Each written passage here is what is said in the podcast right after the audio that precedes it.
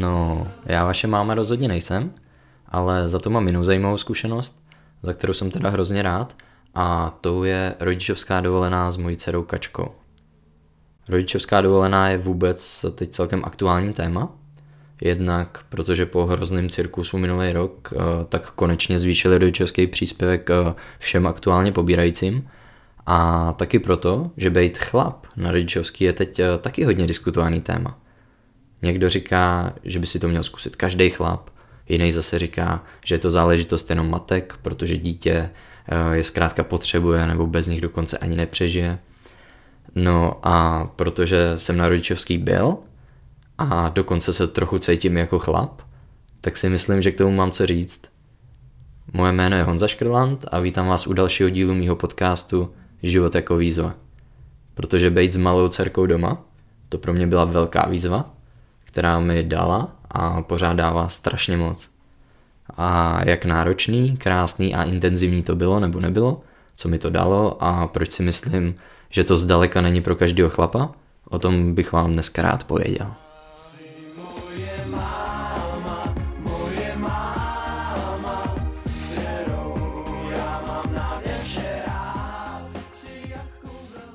Dneska to celý chci začít tak nějak od konce, takže nejdřív vám řeknu, co si myslím, nebo co od toho vůbec čekám, že tahle zkušenost mě a mojí dceřikačce přinese do budoucna.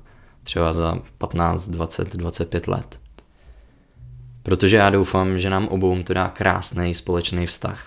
Především teda, až bude dospělá.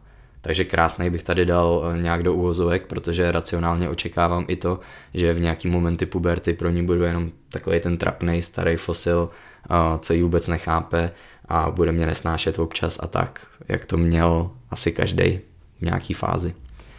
Takže třeba v těchto momentech krásný nebude, ale rozhodně bude hluboký a silný právě díky tomu času, co jsme spolu strávili a věcem, co jsme dohromady prožili. A právě díky té důvěře, těm návykům a taky pravidlům, které jsme si společně nastavovali postupně a jak jsme se s nima zžívali. A když to zkrátím, tak očekávám prostě, že budeme mít pěkný, upřímný vztah, kde ona se nebude bát se mnou sdílet její svět, své problémy, radosti a strasti, protože bude vědět, že může. Že to všechno se budu snažit pochopit nebo minimálně neodsuzovat a že ji podpořím, když to půjde. Aby, aby v životě dělala především vlastní rozhodnutí a ne takový, který si přejou ostatní. Očekávám, že spolu dokážeme trávit čas a bude nám dobře, i když třeba budeme mlčet. A že se prostě na sebe koukneme a oba budeme vědět. Stejně tak, jak to je teď, když jí jsou nějaký tři roky a ona se chystá něco udělat nebo už třeba něco udělala a stačí jen ten jeden pohled – a já vím, jak ona se cítí, ona přesně ví z toho mýho pohledu, jestli teda OK, nebo je to už moc, uh, jestli z toho mám srandu, nebo už se začínám zlobit a je tam krásně vidět, uh, jak, jak už to máme jako spolu zažitý, jak to funguje. A tak když se vrátím do té budoucnosti, tak to je jako pěkný plán, že jo. Ale asi každému je jasný, že tohle se nebuduje jenom na rodičovský, ale tak nějak celý život, eh, každým tím dnem stráveným dohromady, každým rozhodnutím, co společně eh, děláte, i každou větou, co tomu dítěti řeknete a i třeba každou reakcí, kterou uděláte v nějaký dané situaci. A myslím si, že není potřeba být na rodičovský, abyste mohli mít se svým dítětem krásný, hluboký vztah, ale ze své zkušenosti můžu říct, že čas strávený na rodičovský tomu hrozně pomůže. A byl to právě ten moment, kdy třeba já jsem si uvědomil, jak jsou některé věci důležité teď uh, dělat, pokud chci, aby ten náš vztah uh, právě za těch 15, 20, 30 let uh, byl takový, jaký si představuju. Takže jak to teda bylo na začátku? Ve zkratce je to celkem jednoduchý. První půl rok byla doma s malou jen Verča, tam nebylo o čem. Pak jsme se nějaký rok střídali na půl a potom, když už to bylo neudržitelný, protože jsme oba měli víc a víc práce, a tak jsme to museli nějak rozseknout. A protože já jsem měl zrovna práci, která mě sice hodně posouvala, ale taky celkem hodně stresovala a věděl jsem, že tam stejně nechci do budoucna zůstávat, tak rozhodnutí sice nebylo lehký, ale bylo celkem jasný. A já strávil další cca rok na full time rodičovský, což bylo dost náročný, ale fakt to stálo za to. Po dalším roce pak začala na pár dnů eh, v týdnu chodit do školky a já se tím pádem začal zase vracet víc do pracovního života. a momentálně jsou teda tři roky, do školky chodí čtyři dny v týdnu a já si pořád nechávám pátky, kdy nepracuju a mám ten den jenom pro ní. Chodíme na zpívání a děláme nějaký blbosti vždycky a protože si myslím, že je to důležitý a hlavně pak nechci litovat, že jsme jí prostě šoupli v nějakým raném věku do školky kvůli práci a neměli na ní čas. Tohle je prostě strašně důležitý období v rodičovský a já u něj uh, sakra chci být, co jen to jde. Um, a myslím si, že času na práci vydělávání peněz a jiný vztahy jako ještě bude, bude docela dost. Co se ale týká vůbec toho prvotního propojení nebo spojení chlap a rodičovská, tak první věc, kterou chci zmínit je, že to není vůbec samozřejmost. Že jako chlap může vůbec nastoupit na tu rodičovskou. A to i v případě, že by sám jako hodně chtěl. Protože v, velkou roli tady dost často hrajou peníze a taky druh a možnosti práce jednoho nebo druhého partnera. Já měl třeba štěstí, protože já i moje bývalá žena Verča jsme tenkrát eh, se pohybovali v segmentech, které jsou relativně časově flexibilní. Ona tenkrát byla na takový zařizovací až manažerský pozici ve společnosti, která byla dost vstřícná v tom jí nabídnout právě tu časovou flexibilitu. No a já byl sice normálně zaměstnaný na full time, ale jelikož jsem pracoval v marketingu, tak jsem si mohl jako relativně lehce zkrátit úvazek, no a po čase, když to nefungovalo, tak i změnit práci.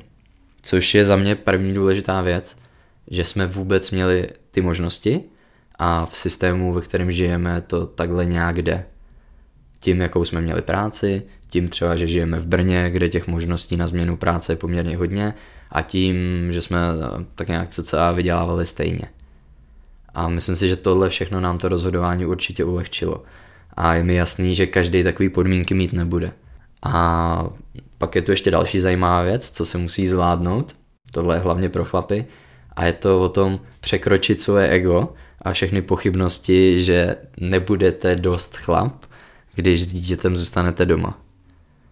Protože já mám třeba od jak živa děti rád, baví mě si s nima hrát, úplně mě nabíjejí energii, baví mě mm, ta jejich upřímnost a třeba na kačky narození, uh, tak já jsem se hrozně těšil a jak se narodila, tak bych jí láskou jako úplně sežral. A přes tohle všechno jsem měl jako hodně, hodně moc pochybností. Ani ne, jestli to zvládnu, ale protože pocházím z nějakého prostředí a jsem nějak vychovaný, konkrétně tak, že chlap nepláče, chodí na pivo, do práce, živí rodinu a umí postavit barák, že on je jako ten macho a citlivý a ubrečený jsou hlavně ženský, tak mě jako napadaly takové věci jako budu dost chlap, když budu s kačkou doma? Co si o tom řeknou ty moji mačo kamarádi? Nebudu pak zženštilej pod pantoflák, který se neumí postarat o rodinu a tak musí žena do práce? Bál jsem se taky, jestli mi neujede vlak, co se týče právě té práce. Jestli mi nebude utíkat nějaká pomyslná kariéra a pracovní zkušenosti. Jak se na mě pak budou lidi dívat po té rodičovský. A to nejdůležitější, dokážu dát malý to všechno, co ona potřebuje? Bude to pro ní dobrý?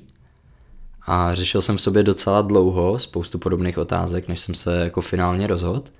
A vím, že stejný to měla i Verča. To tam byly zas otázky typu, budu dobrá máma, když začnu chodit takhle brzo do práce? A co si o mě řeknou ostatní? Všechny ženský přece mě musí odsoudit, protože o, oni jsou se svýma dětma doma a vaří a uklízí a starají se o manžela. No, ale víte, co teď e, jako za sebe zpětně můžu říct? Že to bylo úplně jedno.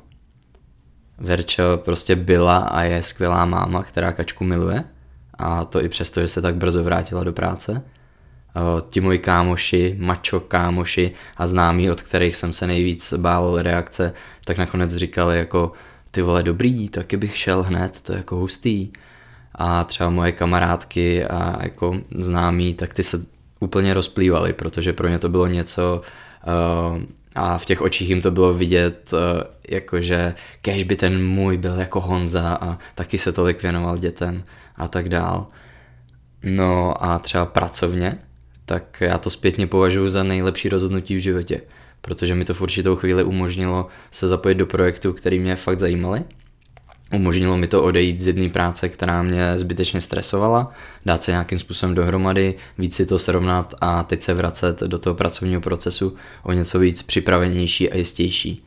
Protože jsem si právě měl čas všechno víc srovnat a naučit se třeba líp pracovat se stresem, což bych bez té rodičovský ten prostor na to neměl.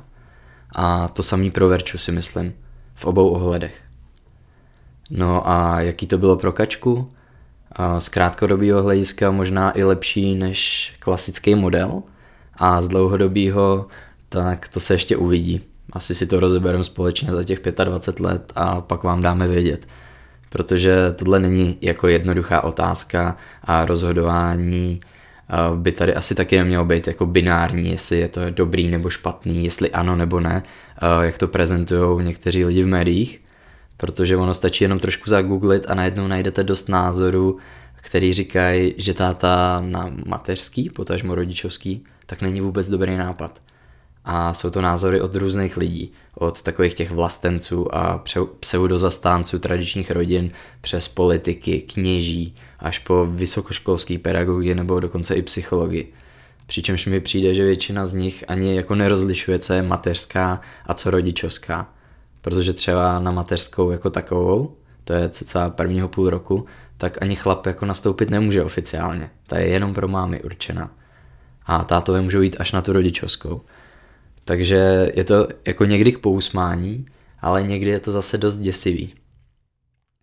A ty nejčastější argumenty, eh, proč ne, proč je táta na rodičovský špatně, eh, tak jsou, že dítě tu mámu jako nezbytně potřebuje že je to tak správně, že je to přirozený, protože a teď si každý dosadí to svoje, že mat, matka to dítě odnosila, že vztah matky k dítěti je vrozený, zatímco u otce je jenom získaný, že přece žena je po duševní i fyziologické stránce k tomu uspůsobená a tak dál a tak dál. A to jsou ještě dobrý argumenty, protože jsou, řekněme, nějakým způsobem pravdivý nebo je to nějak založený na faktech. Což ale pořád neznamená, že je to jako jenom špatně ten táta na rodičovský. Ale ono to tím jako vůbec nekončí. Pak tu jsou ještě ty argumenty, které vlastně vůbec neberou v potaz to, co to dítě potřebuje, ale je z nich cítit nějaký strach z něčeho nového, nějaká netolerance, disrespekt a nějaká kategorizace. Takže s hrůzou v hlase lidi zdůrazňují, že my se tady snažíme uměle za poslední roky měnit něco, co sta tisíce let eh, funguje a že to tak má být že je to proti přírodě, že je to proti bohu, tradicím a všemu možnému a že to degraduje mužskou roli a rozvrátí to společnost. OK, jako proč ne? Ačkoliv já si třeba osobně myslím, že táta, který se umí dobře postarat o dítě a udělat svoji rodinu šťastnou, tak bude asi pro tu společnost mnohem větším přínosem, než někdo, kdo na náměstí křičí s megafonem právě hesla o tradiční uh, rodině a velký hrozbě ze strany homosexuálů. Já jsem četl i zajímavý článek o tom a, a to bylo, jak muži vnímají ostatní muže, který jsou na rodičovský. A tam z toho vyplynulo, že většinou považují za podivíny, za méně cený a dokonce pochybují o jejich uh, sexuální orientaci. Naopak ženy tyhle muže potom shledávají jako velice přitažlivý a tak nějaké jako obdivujou, adorujou a právě si přejou, aby ten jejich byl víc taky takový což ze svojí zkušenosti můžu jen potvrdit. A to první částečně taky, ale vlastně jen od těch chlapů, s kterými já asi jako nikdy nebyl na stejné vlně, takže mě to nějak moc nezasáhlo. K tomu bych ale asi dodal, že největší nepochopení já osobně jsem cítil hlavně od starší generace, především teda od chlapu, a, ale vím, že třeba výzkumy někdy z roku 2017 tak jako ukazují, že třeba skoro půlka otců malých dětí by na rodičovskou šla, ale většinou jim brání právě ty příjmy nebo jako ne- nemožnost té flexibility a takhle. Jinak z výzkumu také vychází, že většina chlapů, kteří to absolvovali, tu rodičovskou, tak hodnotí tuhle etapu jako velmi, velmi pozitivní zkušenost a na rodičovskou dovolenou by se vrátili i při dalším dítěti. A s tím já se úplně stotožňuju. A protože třeba za mě ten jako předcházející strach z nezvládnutí téhle nové role, tak se potom ukázal jako úplně ne, neopodstatněný. Takže já už teď vím, že jako úplně v pohodě, že, že můžu. že bych si to střihnul takhle částečně znova a, a taky to rozhodně jako celý hodnotím pozitivně. A ty pozitiva, co pak vycházejí i z těch průzkumů, tak ty jsou jasný, že je to nějaká životní změna, je tam to upevnění vazby mezi otcem a dítětem, jak jsem o tom mluvil, plus tam asi i funguje hodně takový ten ego faktor, že chlapům prostě dělá dobře, pokud jsou důležitý a pokud se dítě obrací třeba v první řadě na ně. A další je taky, co z toho vycházelo, jako lepší pochopení partnerky a žen obecně, k čemu já se ještě vrátím. Byl tam taky odpočinek od zaměstnání a získání lepší chuti k práci. A pak tam bylo víc času na vlastní zájmy a koníčky, což teda asi záleží hlavně na těch koníčkách, jaký jsou. A ještě poslední věc, co mě zaujala, tak tam byla možnost si doplnit vzdělání a nebo třeba ještě takový bonus jako příjemný polední spánek, což se taky hodí. A v těch hodnoceních eh, to mělo samozřejmě i svoje negativa, třeba, že pečovat o dítě a přizpůsobit se vůbec tomu novému režimu, eh, tak je prostě hrozně náročný. Eh, pak tam byl zmiňovaný taky ten ostych před ostatníma chlapama a okolím. Nepochopení ze strany rodiny a taky tam bylo zmíněno, že někdy může jako docházet ke konfliktům s partnerkou, že žena závidí muži ten čas strávený s dítětem. A já to tak jako v celku můžu asi jen odkejvat, že jo, že to tak je, ale zase jedna věc je nějaký průzkum, um, nějaký osobní dojem, názory zastánců tradiční rodiny a tak, a, ale pak druhá věc jsou fakta. Takže co na to říká věda, studie a lidi, kteří se tím fakt zabývají. Já jsem si kvůli tomu prošel nějakých x článků, videí, podcastů a dokonce jsem otevřel i nějakou diplomku, abych se jen potvrdil to, co jako už roky vnímám, co si roky myslím. A, a ve zkratce je to asi to, že klíčový pro ten zdravý vývoj dítěte je to, aby mělo rodiče, který ho milujou, který se mu věnují a zároveň dokážou řešit uh, nějak ty problémy a jsou si navzájem oporou. Protože děti prostě potřebují hlavně jako to stabilní a bezpečný prostředí a z dlouholetých zkušeností tak se ví, že mnohem důležitější je to, jak ta rodina funguje a jak se v ní to dítě cítí, než to, z jakých členů je poskládaná. A tudíž teda pro některé zastánce tradiční rodiny tak úplně překvapivě potom vychází jako celý soubory a přehledy psychologických výzkumů a závěrů od různých asociací jako psychologů a v různých státech, a, tak tam vychází a všichni se shodují na tom, že třeba děti ve stejnopohlavních rodinách se nějak neliší od dětí z těch heterosexuálních s ohledem na jejich jako psychický vývoj, sexualitu nebo to, jak šťastný, úspěšný a tak dále ty děti jsou. A nebo možná liší. Třeba v tom, že pak v dospělosti určitě jsou víc otevřený, tolerantní a nebojí se tělech věcí. Ale to už je zase jenom můj osobní názor. Ale hrozně důležitý je si tohle uvědomit, protože když eh, tisíce výzkumů potvrzují, že dítě nijak nestrádá, když ho vychovávají dva milující geové nebo lesbičky, tak řešit uh, nějakýho tátu, nějaký rok, dva, tři na rodičovský, pokud teda ten táta je taky milující a všechno to klape, tak mi to přijde jako trochu úsměvný až zbytečný. Protože i třeba z těch výzkumů je jasný, že když jo, děti vychovává jako samotná máma, samotný táta nebo třeba jen babička, tak to ideální jako asi není. Chybí tam ty vzory, vzorce chování a asi jako budou uh, trošku jiný, ale jde to. A já to nějak jako za sebe můžu potvrdit, uh, protože mě umřel táta, když jsem byl malý a jakože taky jsem tady, taky jsem nějak vyrost, ale třeba zpětně už vidím, že je to znát dost, protože uh, mi tam chybělo něco právě jako ten vzor, uh, co ty tátové obvykle jako představují a co předávají a když si to jako zpětně analyzuju, tak je to tam. Ale v tu chvíli, když jako ta rodina klape, tak, tak to nevnímáte, tak to šlape. Ale co se týče té tý rodičovský jako matky, otce, nebo takový ty střídavý varianty, prostě kdy tam je plná rodina, tak já si myslím, že bychom měli být vůbec vděční za to, že jsme jedni z mála na světě, kde tuhle tu možnost vůbec máme. A tudíž pokud je to jako nejlepší řešení v tu danou chvíli, tak proč toho sakra nevyužít?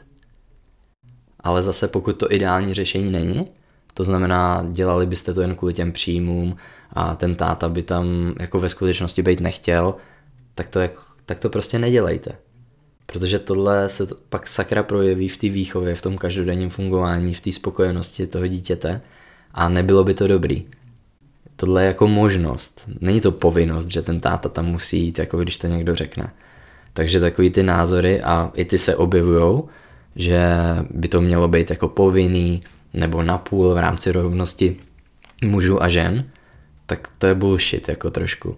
Protože ty věci obecně jako se mají vyvíjet postupně kvůli tomu, že to má nějaký smysl a ne proto, že se to najednou řekne. A u té rodičovský tak to platí dvojnásob. To znamená, je dobře, jako pokud, eh, pokud bude pokračovat to, že počet chlapů na rodičovský jako i v dalších letech bude stoupat, tak jak je tomu teď, ale musí to být, eh, protože ty páry to tak chtějí, ne protože jsou k tomu nucený, ne protože musí. To znamená za mě je třeba ideál ta střídavá varianta, že pár dní v týdnu jsem zmalu já, pár dní v týdnu prostě Verča. Za mě úplně ideální stav. A, ale i k té full-time verzi, tak já za sebe říkám, že to mě i tý malý jako hrozně moc dalo. A že já mám prostě štěstí, že jsem do toho mohl jít a jsem hrozně rád, že jsem do toho nakonec šel. Protože osobně cítím, že mi neuteklo vůbec nic a dalo mi to hrozně moc. A stejně tak tý malý. A to právě proto, že já jsem do toho chtěl jít. Že jsem to dělal rád. Protože kdybych nechtěl, tak teď takovouhle zkušenost nemám a nebylo by to jako asi ani dobrý pro tu malou.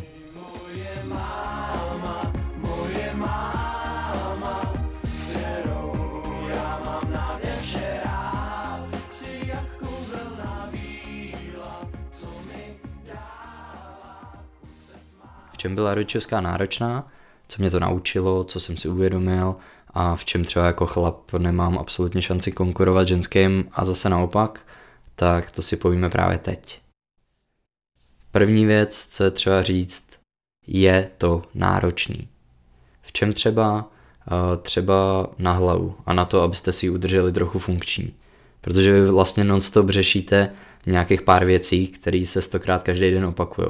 Nejdřív plínky a potom větu nechce se ti čůrat, kakat, eh, řešíte jídlo, kdy, kde, jak a co budete jíst, aby bylo dobře oblečený to dítě a Potom, když nejste ten typ, co vychovává svý dítě dvě hodiny denně u televize, eh, tak řešíte to, aby bylo zabavený. Věnujete mu tu pozornost, eh, což je hrozně náročný. Do toho malá začínala mluvit, takže když něco chtěla, tak byla schopná říct nebo zakřičet to slovo třeba 50krát. To jsem fakt eh, nejednou spočítal. A vy toho třeba 25krát odpovíte, že to nemáte, nebo že jí to nechcete dát, nebo nemůžete, protože. Ale ona pokračuje. Zejména potom, pokud to dítě je nemocný a vy s ním musíte být celý den doma a nějak ho zabavit, tak to je prostě na palici. Řešíte to samý pořád dokola a i váš slovník se třeba tím docela omezuje. Další aspekt taky byl, že jestli malý jako něco opravdu nešlo od narození, tak, tak to byl spánek. Takže třeba už od jednoho roku přestávala spát po obědě a tím pádem to byla fakt jako celodenní šichta bez odfrknutí pro mě.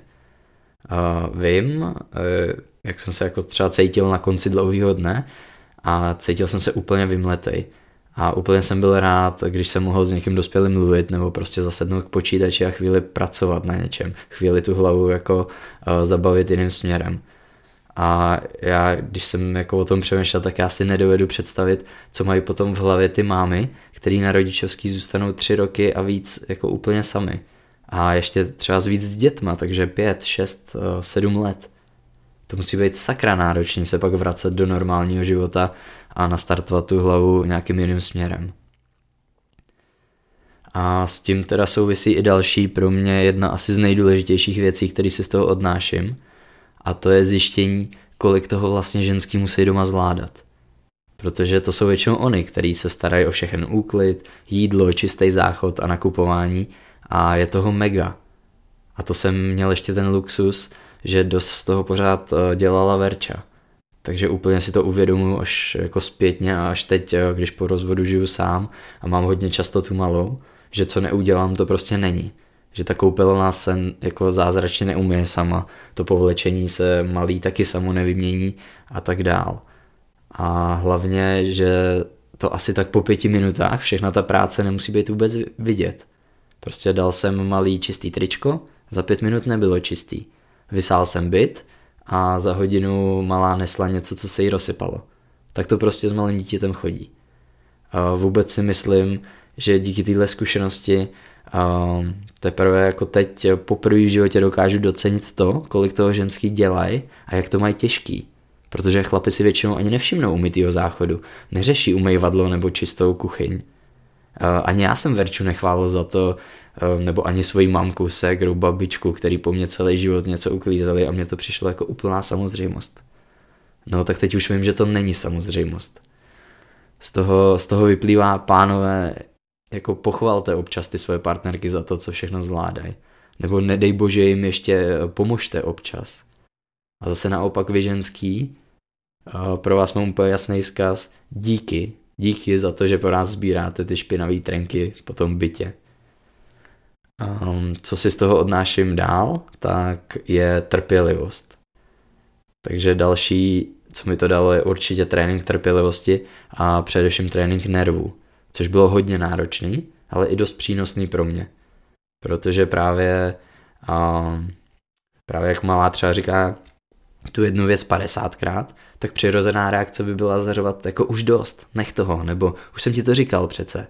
No a já třeba na ní nechci křičet, když to není fakt nutný, takže jsem se s tím musel nějakým způsobem uh, naučit pracovat. Uh, stejně tak třeba s tím, že často jako nestíháte někam, někam třeba dojít, protože něco. Protože malá se sekla a nechtěla se oblíct třeba, nebo obout, nebo musíte jako zrovna uklízet snídaní na koberci, nebo že měla nějaký jako jiný problém a když už jako selže to, ta pozitivní motivace a jediný to řešení je jako násilím jí nutit to dělat nebo ji pak za sebou eh, táhnout místo toho, aby jako někam došla sama na to místo určení, eh, tak to jsem zase úplně nechtěl. Zase jako nemusí to být vždycky jenom její vina, prostě cokoliv s dítětem, tak trvá, trvá díl. Většinou jako nepředvídatelně dlouho. To znamená, jako byl jsem to já, kdo se musel naučit akceptovat to, že najednou chodím pozdě a že najednou jako moje klasické plánování času vůbec nefunguje. To třeba byla velká škola pro mě a nějak jsem se musel naučit s tím být OK, že prostě občas dojdeme pozdě, protože to byl můj problém. Kačce tý to bylo jedno. Ta vždycky v tu danou chvíli řešila jenom ten svůj jeden problém, který je největší. Um, stejně tak to, že jsem si jako poprvé v životě začínal uvědomovat, uh, jak vlastně je tohle období klíčový pro to, uh, co si ta malá podnese do života jako za hodnoty, návyky a nějaký jako vztahy k okolí, uh, tak to bylo hodně zajímavé. Já jsem nikdy předtím si neuvědomoval, že jako každá moje odpověď, rozhodnutí, výraz i zaváhání, tak pak má jako vliv na to dítě a na jeho budoucnost. Že to, jestli ho jako podporujete a říkáte, pojď to dáš, na to vylezeš, nebo jasně udělej to, to zvládneš, nebo naopak mu jako srážíte sebevědomí tím, že ho za každou chybu seřujete, nebo mu nedovolíte mu zkoušet věci, protože vy přece víte, že by to pokazilo. A, a rovnou to i jako říkáte, nelez tam, spadneš. Což je, což je třeba strašná škoda místo toho, abyste jako jen třeba odložili z ruky ten telefon na dětském hřišti a šli ho jistit, kdyby fakt padalo, ale ať to zkusí samo. A to třeba je jako sakra rozdíl a tenhle rozdíl jsem viděl v mnoha různých jako niancích eh, na kroužcích, dětských hřištích, v parcích, kdy místo, aby rodiče podporovali dítě v tom, aby na něco třeba vylezlo, tak ho tam radši desetkrát rovnou vysadili a ještě ho tam drželi, aby nespadlo, nebo, nebo hůř, jako začali ho z toho dávat, eh, začali ho z toho tahat pryč a křičet, jako, že to nemůže, že tam spadne a ať už tam jako nikdy neleze. A tak já nevím, jako sakra, co jiného by mělo malé dítě dělat, než objevovat to okolí, občas na něco vylíst, občas z něčeho spadnout. A jako jasně, že jako rodič ho nenechám spadnout a ublížit si. Vždycky, vždycky jsem jako spozorněl a byl jsem tam připravený jí chytit. Ale vždycky jsem řekl jako jasný, pojď, pojď do toho, zkus to. A tím se dostáváme k první věci, kterou si myslím, že třeba chlapi zvládají líp, mnohem líp.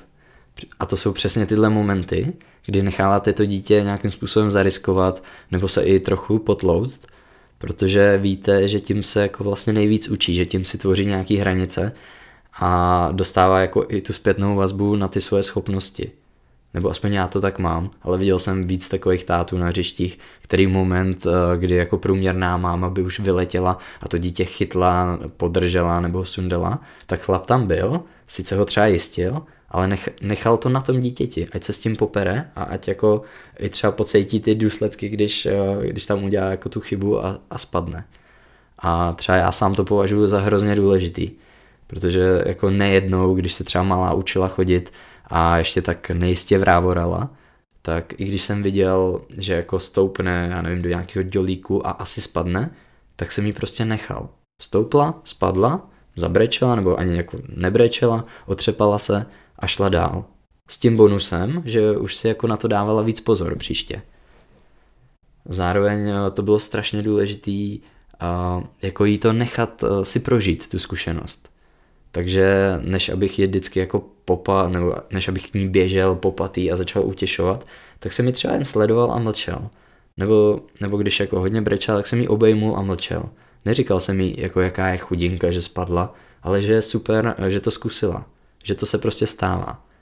A já už jako jak teď kačka mluví nebo jak zkouší různé věci, tak já vidím, že ona si ten přístup jako nese dál do dalších činností, co zkouší, že, že to není jenom o tom někam vylíst a, a jako chodit, běhat, spadnout, ale už jako i o tom, že zkouší dělat různé věci, ať už to je jako vaření, uklízení, nebo že si nějakou věc prostě zařídí, když já řeknu ne, tak ona ji zkusí udělat sama. A třeba já, já jako vidím, že díky takovým zkušenostem, tak jsem ani jako nikdy neměl problém s nějakýma schodama, že bych se jako bál, že by, že by se z nich malá bez, bezmyšlenkovitě rozběhla, nebo na nich nedávala pozor, protože prostě ona si k takovým věcem jako vybudovala dostatečně respektou svojí zkušeností. Ale zároveň se nebála jako to zkoušet a objevovat což je hrozně super. A tohle prostě chlapi zvládají mnohem líp. Prostě padání, první odřeniny, naraženiny i krev. Víc v klidu, s rozvahou, stejně jako třeba to, že mají doma bordel, tak v nich jako neevokuje brek a že všechno nezvládají a že jsou špatní rodiče. To je podle mě nesporná výhoda.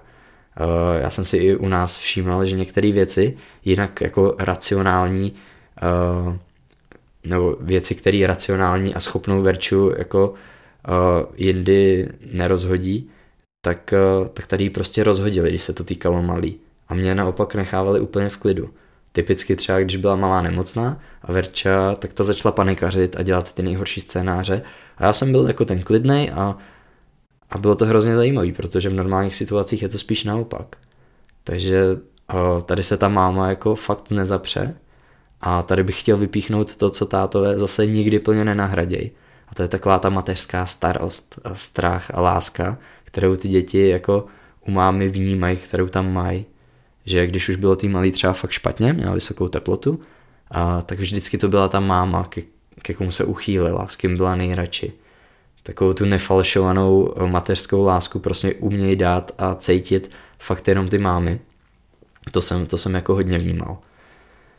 Um, další, co mi to dalo, a co vnímám jako důležitý, a v tomhle případě bych to teda nerozdělal vůbec na mámy a táty, tak to je být eh, pevný ve svých názorech, eh, postojích a dodržovat sliby. To znamená, když řeknete tomu dítěti ne, tak to ne platí.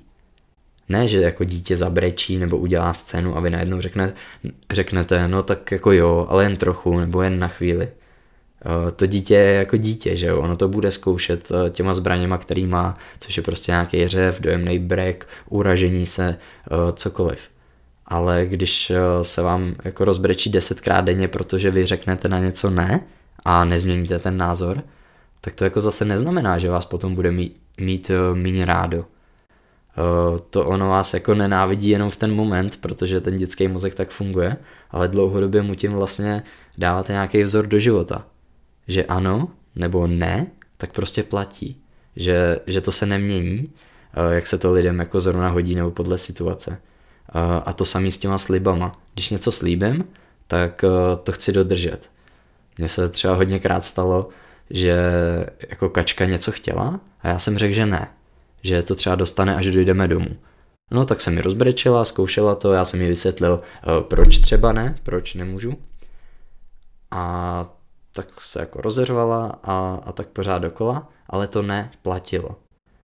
Pak jsme třeba za půl hodiny došli domů a ona už si to samozřejmě nepamatovala, že měla něco slíbeného, že něco chtěla, kvůli čemu jako šíleně brečela.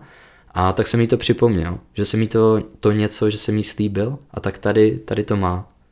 Protože když se něco slíbí, tak se to má i dodržet a jako nehledně na to, nehledně na to jestli to dítě si to pamatuje nebo ne.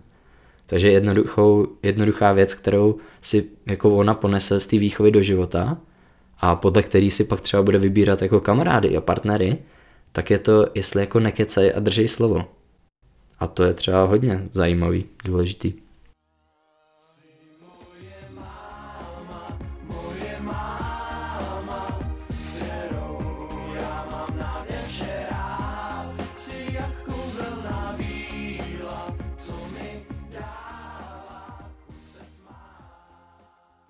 závěr. Jak to teda celý zhrnout? No, asi, že to stálo za to. Že nelituju. Protože tohle, ten čas strávený s mojí dcerou a vztah, který jsme si vybudovali, tak to už mi nikdo nikdy nevezme. I když ona si to třeba vůbec nebude pamatovat, tak, tak to tam vždycky bude někde.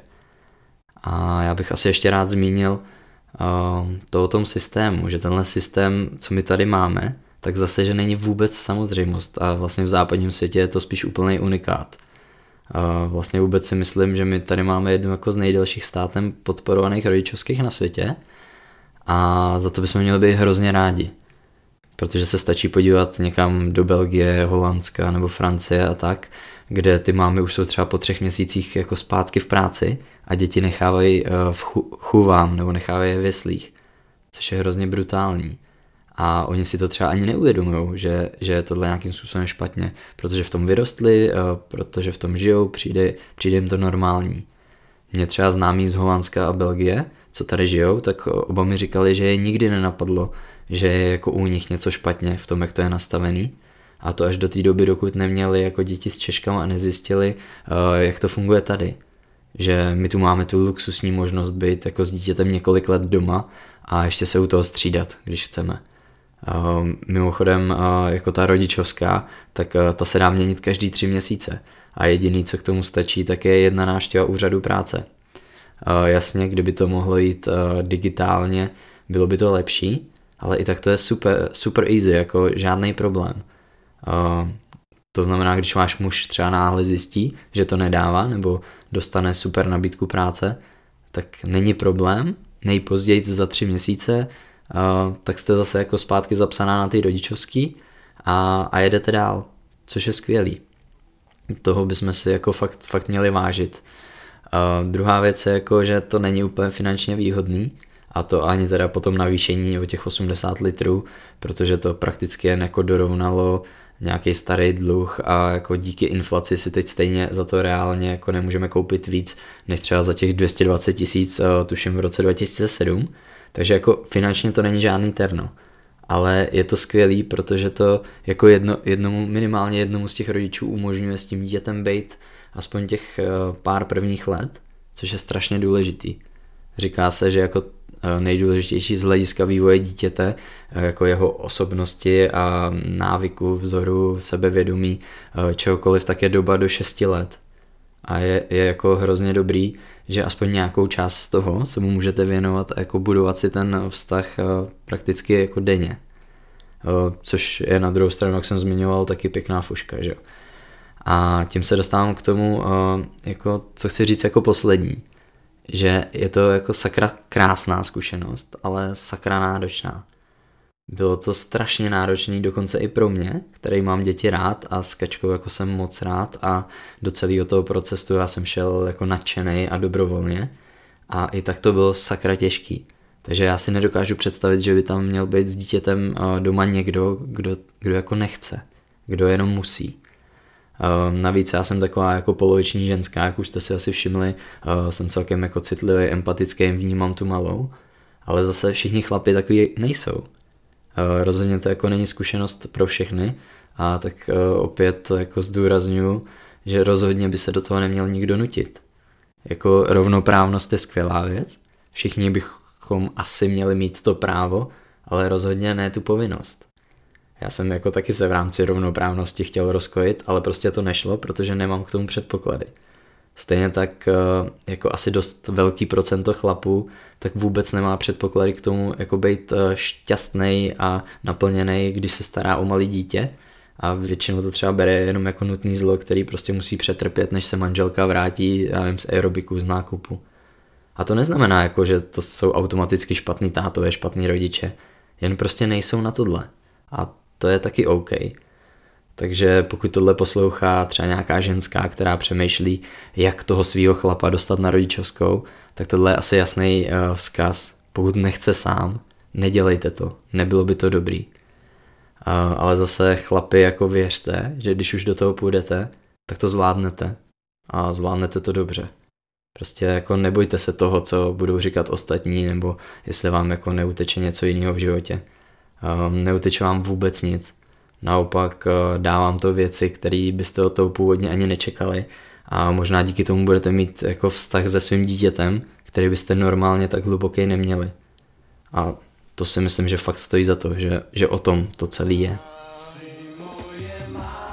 No, a tohle by klidně mohl být konec podcastu a asi i by měl být, ale mě to nedá a já se s váma chci podělit ještě o trošku detailnější verzi toho příběhu, který jsem prožíval. Takže pokud máte zájem, tak poslouchejte dál. Pokud ne, tak s klidem vypínejte, protože všechno už bylo řečené a tohle už bude jen uh, trochu delší storytelling toho, jak to vlastně všechno bylo.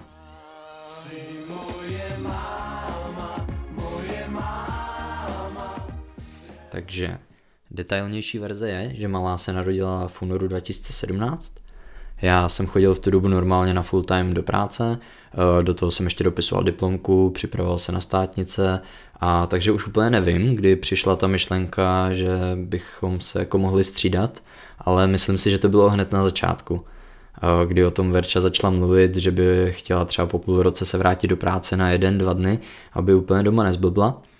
A já, protože jsem měl zaměstnání, který, který mě nějak moc neposouvalo a stejně jsem věděl, že bych jako za čas odcházel, tak jsem na to bez problému kejvnul, dávalo mi to smysl. Eh, tady jsem ty pochyby, o kterých jsem mluvil, ještě moc neměl. Protože mě vlastně přišlo hrozně cool, že budu prostě pracovat o něco míň a trávit ty dva, tři dny jako s malou. To byl vlastně dream, protože to splňovalo přesně to, že jsem byl stále ten pracující muž, a ještě k tomu dobrý manžel a táta, který věnuje čas rodině. Ale i tak to nebylo jako lehký se jako rozhodnout, dohodnout, oznámit to. Třeba majitel té firmy, ve které jsem dělal, tak ten to jako nepochopil vůbec, ten to bral jako určitý podraz. A protože to byla firma plná mladých lidí a nikdo tam neměl dítě, a, tak to nikdo tam moc nechápal. Což je třeba hrozně zajímavý, protože pak postupně jsem přešel eh, na půl úvazek do firmy, kde byli podobně mladí lidi, ale většina z nich měla nebo čekala děti a ten přístup byl úplně jiný. A bylo to takový dost podporující prostředí. Stejný věk, ale úplně jiný priority a nastavení. A to je hrozně důležitý, že to vaše okolí eh, jako vůbec chápe to, co prožíváte a to, co se kolem vás děje. Proč jste třeba nevyspalej, chodíte pozdě a podobně.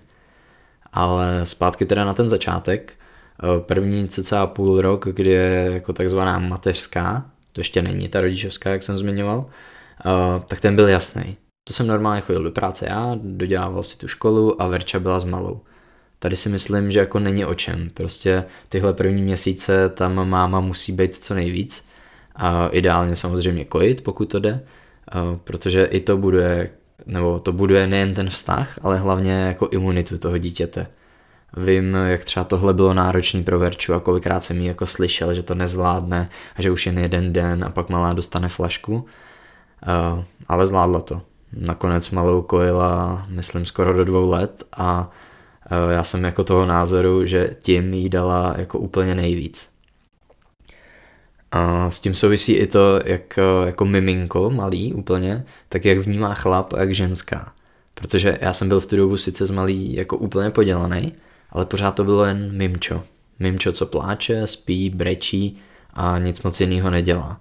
Takže tam vlastně jako není moc co s ním dělat a um, proto mi stačilo s ním jako bejt a pomazlit se jen tu chvíli mezi tím, co jsem přišel z práce a tím, uh, než zase spal A zatímco ta máma, tak ta dokáže jako už v této fázi to dítě mnohem víc vnímat, miluje ho a navzájem se jako nějakým způsobem potřebujou.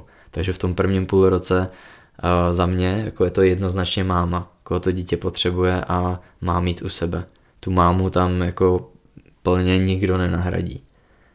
Uh, každopádně v moment, kdy prostě malá začínala jíst příkrmy a dokázala se otáčet na záda a uh, začala líst, a nebo prostě v takovýhle moment, kdy celkově ty děti začínají být docela samostatná jednotka, o kterou se ten chlap jako dokáže v pohodě postarat a dokonce ho to může i bavit, uh, tak to je skvělá věc a to byl taky přesně ten moment, kdy já jsem s ní začal být doma.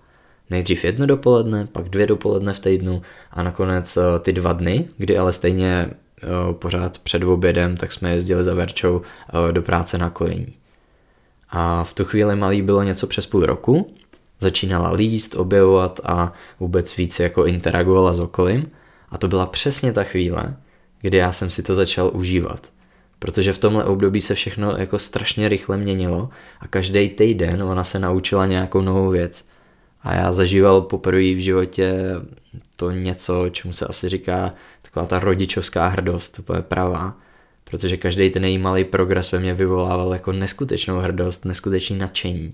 A já jsem moc vděčný, že jsem to jako mohl být protože to už mi zase nikdo nikdy nevezme, že jsem byl u toho jako první sezení, vstávání, krůčky i slova a věty, a stejně tak jako neúspěchy, pády a chyby, jako byl jsem u toho a vždycky jsem se jí snažil podporovat jako hej, pojď do toho, zkus to, to dáš. A já jsem za to hrozně rád. Uh, takže tím zářím 2017 teda začal tohle období který mě jako fakt bavilo a dovolím si říct, že bylo i úplně ideální pro tu malou, protože jsme oba tak nějak jako dva a půl dne pracovali a z toho jako pracovního týdne a dva a půl dne byli s kačkou. A jako v tomhle režimu, tak ta malá dostávala jako tolik energie a lásky, kterou by od jednoho člověka, který by s ní trávil většinu času, dostat prostě nemohla. Jak to? Um, protože takhle my jsme oba se na ní jako po těch eh, dvou pracovních dnech hrozně těšili. Těšili jsme se, že s ní budeme a všechnu tu energii jsme jí jako mohli věnovat. Naopak, zase po tom čase s ní, my jsme se oba těšili do práce, no a malý přišel zase ten druhý z práce, který jí chtěl dávat jako tu energii, tu lásku a, a takhle pořád dokola se jí to střídalo. Za mě teda to byl úplně ideální balans v tom, že s každým z nás trávila tak nějak stejně času a každý z nás s ní dělal trochu něco jiného a proto to pro ní eh, jako bylo i pestřejší a zajímavější, než kdyby byla každý ten den jen s jedním z nás. Protože jako bez urážky, ale jeden člověk, který s tím dítem tráví většinu času každý den, tak se prostě jako nějakým způsobem vyčerpá. Jak nápadama, tak nadšením a, a pokud si nemá kde odfrknout v nějakým jako, nějakýma koníčkama nebo v našem případě v té práci, tak prostě nemůže věnovat tomu dítěti jako třeba tolik pozornosti a energie, eh, kolik by i sám chtěl, ale musí najít nějakou eh, jako udržitelnou dlouhodobou cestu, eh, aby, aby to jako fungovalo, aby, aby ho to úplně nevyšťavilo, nevyhořel, neskolaboval. U nás tenhle ten ideální stav trval asi tři čtvrtě roku, ale už někdy na jaře my jsme zase začali doplácet na tu naší původně výhodu, kterou byla ta práce, co děláme. Eh, tím, že eh, ani jeden z nás neměl práci, kde bychom si jako odseděli x hodin a s čistou hlavou šli domů, ale měli jsme oba práci, kterou jako nikdo jiný neudělal za nás a ještě na projektech, které pořád rostly, tak my jsme se dostali eh, do takové blbý situace, kdy třeba každý z nás oddělal přes 100 hodin měsíčně a tu malou jsme si prakticky jen jako podávali ve dveřích. Což nebyl problém pro tu malou, ta pořád byla nadšená, ale byl to problém pro nás, protože my jsme neměli jako čas na sebe a dost často se nám stávalo, že jsme se potkali třeba v 9 večer, když už malá spala a potkali jsme se u stolu v obejváku s notebookama, kde jsme doháněli práci. Takže to nebyl úplně ideál. A tím přišlo i to zmiňované rozhodnutí, po, který jako přišlo po těch všech pochybách, který jsem zmiňoval, včetně toho, že třeba jsem se prostě musel smířit s tím, že tím odevzdávám takovou svoji samostatnost a vlastně, že od téhle chvíle mě teď bude živit žena. což asi pro žádného chlapa jako není jednoduchý, si myslím, ale zase protože jsem měl skvělou ženu, pro kterou tohle vůbec nebylo téma, tak to rozhodování bylo asi o dost jednodušší než v domácnostech, kde třeba nemají společné peníze a všechno jedou na půl a jako nějakým způsobem na tom lpějí. No a tím začala ta moje full-time rodičovská, která teda byla hodně, hodně zajímavým obdobím v mém životě a bylo to takový období, kde já jsem vlastně neměl žádný takový jako dlouhodobý stres a to i přesto, že to bylo jako náročný jak prase. Um, zároveň jsem zase jako dostával spoustu nových podnětů a poznání. Um, od takových těch jako úplně nových, třeba že kojící matky na internetu, teď teda jako bez urážky dámy, tak jsou absolutně šílený. A to i v tom vtipným, i v tom děsivém slova smyslu. Protože uh, uh, jako jazyk, který používají na nějakých baby webech a v diskuzích, tak je jako jedna věc. Ale pak tam vyloženě třeba nabádají e, i k alternativním věcem, uh, který jako konkrétně třeba nějakým nemocným dětem, který oni ani jako nikdy neviděli, že jo, z té diskuze, tak může reálně ublížit. No a jestli takovýhle matky třeba umějí něco dokonale, tak to je jako seřvat, vyčítat a poučovat někoho o tom, jak a co dělat, eh, jestli je špatný rodič nebo ne. Uh, umějí skvěle odpovídat jako naprosto z cesty na triviální dotazy a pravidla jsou jako úplně přesvědčený, že ten jejich názor je nejlepší a musí ho uh, každá matka jako přijmout za svůj a když ne, tak, tak se to strhne jako v hrozný útoky tam a mi to přišlo hrozně zajímavý a třeba jsem zjistil, že to jako, že je jedno, jestli je to skupina o očkování, o hadrových plínkách, o Montessori výchově nebo o jako vaření dětem. Všude to bylo úplně stejný a mě to jako teda docela děsilo. A, a tím bych jako asi, asi skončil tuhle tu tématiku. A protože zase jako to není jenom takhle hrozný, co mi pak dalo nejvíc, byly jako ty reální zkušenosti třeba z těch dětských hřišť a kroužků, Eh, to, co jsem jako pozoroval a zažil tam, tak eh, to bych jako jindy a jindy neměl šanci zažít. A v tomhle případě to myslím jako spíš pozitivně. Dám nějaký jako příklad třeba plavání, eh, kam jsme chodili, že už někde od půl roku nebo takhle s malou, s těma úplně malýma miminama se tam chodí, tak já jsem byl vlastně zase jediný táta, který pravidelně tam chodil. A to bylo třeba ještě v pohodě, ale pak přišly další kroužky a Tady teda byste o mě měli vědět jednu věc. Eh, já tak nějak jako hodně věcí zvládám docela průměrně, ale je jako několik věcí, kde vím, eh, že nemám absolutně žádný jako talent a žádný základy. A to je malování, zpívání a tancování. No a kam myslíte, že s takovýma dětskama se chodí do kroužku? Třeba na zpívání v tomhle věku si to u dětí představte hlavně jako takový rytmický tleskání a ťukání dřívkama a trochu toho tancování. To zpívání pak zůstává na lektorce a rodičích. A já zase jako jediný táta, že jo, tam uh, Samozřejmě třeba u toho zpívání každý ročník graduje vystoupením všech věkových kategorií v kulturáku, kam jsou sezvaný všichni rodiče, babičky, tetičky. A tak třeba tam, když jsem vystupoval s malou, tak tuším odhadem, že tam mohlo být třeba 150 lidí. A ten první rok jsem byl jako jediný vystupující táta. No, ale jako šel jsem tam a dal jsem to. A druhý rok třeba mě zaujalo, že už jako těch vystupujících tatínků bylo víc.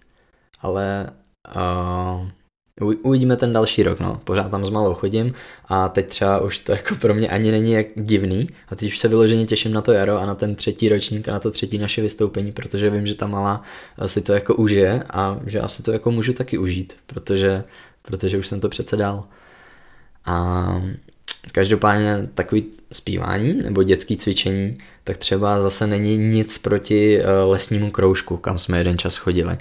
Ten pořádala lesní školka, a zase nečekaně jsem tam byl jediný táta a pak už tam se mnou byly jenom jako bio ezo maminy, který třeba nenechávali svý děti očkovat, byli totální zastánci těch jako hadrových plen a dalších a dalších věcí.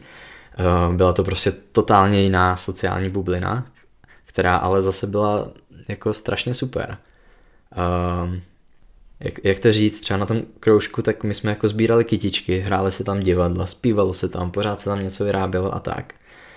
takže ačkoliv jsem byl třeba mezi lidma, s kterými jsem jako názorově absolutně jako nesouhlasil nebo nesouzněl, tak jako to bylo strašně v pohodě. A já bych nikdy v životě uh, jako nebejt rodičovský, tak bych se mezi tyhle lidi jako nedostal v normálním životě a neviděl, jak fungují. Nemohl si na ně udělat názor, zase založený na nějaké zkušenosti.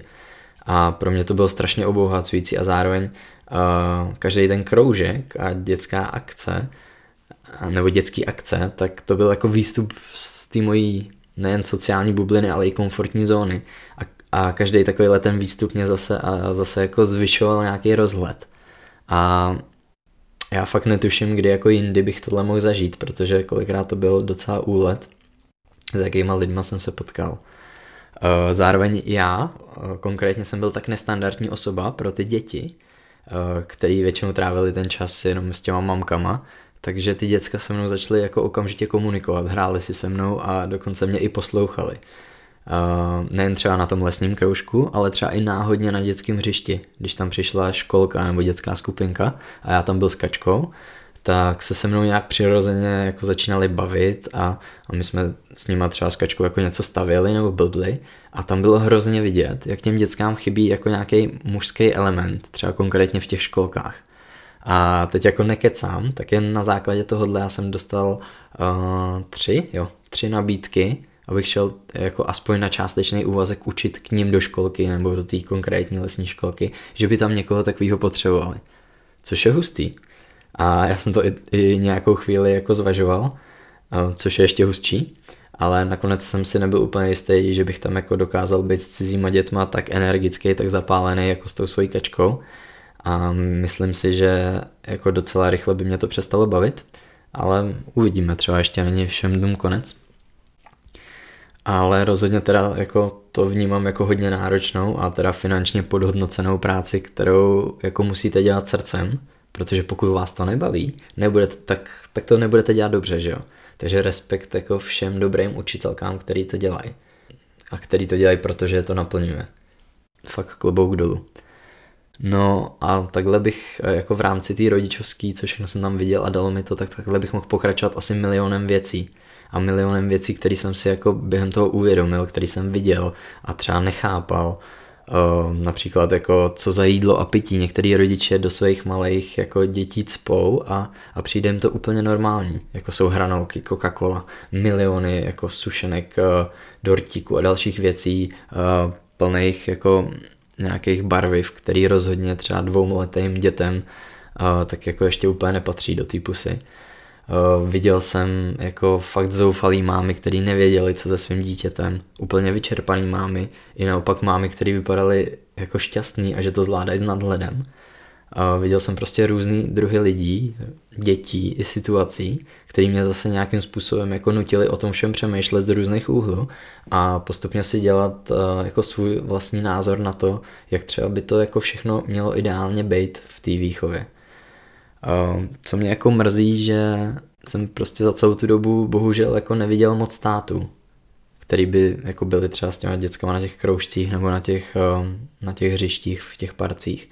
A třeba když už jsem nějaký jako dopoledne v parku nebo někde jako potkal uh, někoho, kdo vypadal, že je otec na rodičovský, tak uh, samozřejmě jsme se ignorovali, že jo, protože jsme chlapy. A máme se víte kde, že jo, nepotřebujeme sdílet nic víc než, než třeba ten pozdrav a jako pokejvání nebo něco. Um, na rozdíl právě od těch mamin, od těch maminek, který mi uh, jako naprosto zničili iluze o mém působení na, na tom dětském hřišti, uh, který, když jsem jako šel na tu rodičovskou, tak jsem si představoval tak, že uh, já přijdu s tou malou na to dětské hřiště a všechny maminy jenom udělají wow, a budou si myslet, oh, ty jo, jako mladý, krásný, evidentně plodný, co se umí postarat, to je teda partie, že jo. A představoval jsem si, že tam s nimi si budu jako vykládat, budu je ohromovat a on, oni mě jako za to mezi sebou budou nějakým způsobem hýčkat a bude to celý jako takový super a sluníčkový. No, ale realita teda byla trochu jiná protože ty maminy, které byly celkem normální a jako zajímaly by mě nějakým způsobem, tak mě většinou ignorovali nebo vedli jenom takový ty small talky. Což ale bylo vlastně fajn, protože ty maminy zase z kategorie jako šílený, ezo nebo zbytečně afektovaný, tak ty se mi zase snažili věnovat až moc. A to bylo, jako musím říct, značně nepříjemný. Takže jsem je nějak jako slušně ignoroval a v ten moment třeba oni se prostě začali bavit s kačkou, která jim taky neodpovídala, nebo kterou to jako moc nezajímalo. A pak jsme třeba jako šli s malou, já nevím, za týden, za měsíc, nebo tak nějak. A oni šli a zdravili tu kačku a něco jí třeba začali povídat na ulici. A jak kdybych já tam nebyl, protože já už jsem je jako xkrát ignoroval na tom dětském hřišti. A, a to třeba dělali potom, i když malá byla venku jen s Verčou. To bylo jako super, protože aspoň jako začali, nebo když začali chápat, že Verča je v tomhle ještě jako větší a sociál než já, tak to jako postupně vzdávali. Uh, což jim ale nezabránilo, aby si jako třeba s jinou maminou sedli kousek ode mě, konkrétně na pískovišti a nahlas jako probírali celý svůj život. Takže ačkoliv já jsem se s nima třeba vůbec nebavil, tak během pěti, deseti minut já jsem věděl, jaký měli porod, jak jim to šlo s kojením, kolik bere jejich partner peněz, nebo že očkování je fakt svinstvo. A jako za mě teda musím říct, že ty iluze byly rychle pryč a já jsem se vlastně za celou tu dobu víc seznámil, za ty dva roky jako asi jen s třema dalšíma rodičema, s kterými jsem si jako rozuměl a s kterými se vídám doteď a, a ty většinou aplikovali tu stejnou taktiku jako já, tudíž jako hledět si svýho a tak nějak mezi ty partičky ukecaných maminek taky nezapadaly. No, bylo to zajímavý prostě ze všech úhlů, ale to bych tady o tom povídal asi dlouho, takže to pojďme nějak uzavřít. Třeba tím, že chlap nemusí být nutně na rodičovský, aby měl super vztah se svým dítětem a dokázal mu porozumět. Ale když už tam bude, tak je dost pravděpodobný, že to zvládne dobře a že to pro něj jako bude velká životní zkušenost, kterou se ponese dál. A třeba když naopak eh, se nebude o to svoje dítě zajímat, ani když přijde z práce a místo toho bude dávat přednost svým koníčkům a kamarádům a pivu a čemukoliv jinému, tak zase tím dost riskuje, že si k tomu svým dítěti vlastně nikdy nenajde cestu. A to by byla dost škoda. Takže moje rada na závěr je celkem easy. Prostě věnujte čas a pozornost svým dětem a snažte se jim nějakým způsobem porozumět. Je to hrozně důležitý. Takže děkuji za pozornost a čau.